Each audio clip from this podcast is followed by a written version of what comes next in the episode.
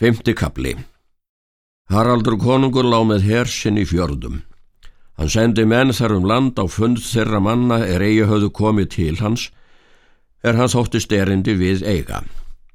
Konungssendimenn komið til kveldús og fenguð þar góðar viðtökur. Þeir báru upp erindi sín, sögða konungur vildi að kveldúlfur kæmi á fund hans. Hann hefur, sögðu þeir, Spurnir af að þú ert göfugur maður og stór ættaður. Möndu eiga kost af honum virðingar miklar.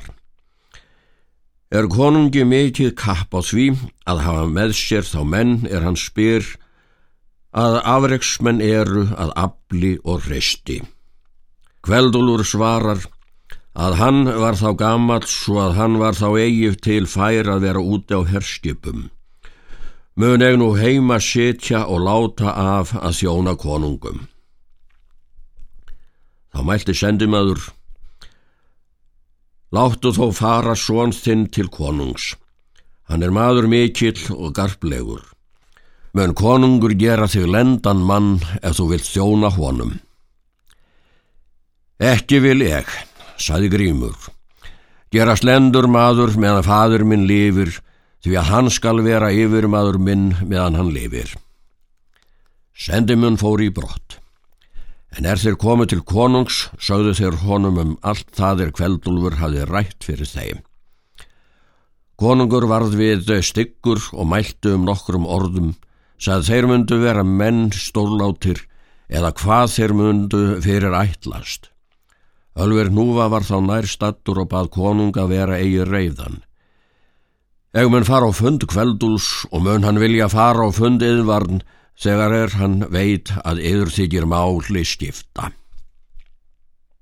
Síðan fór Ölfur á fund kvelduls og sagði honum að konungur var reyður og eigi myndi döga nefn að annar hvort þeirra feðga færi til konungs og sagði að þeir myndu fá virðing mikla á konungi eða þeir vildu hans þýðast.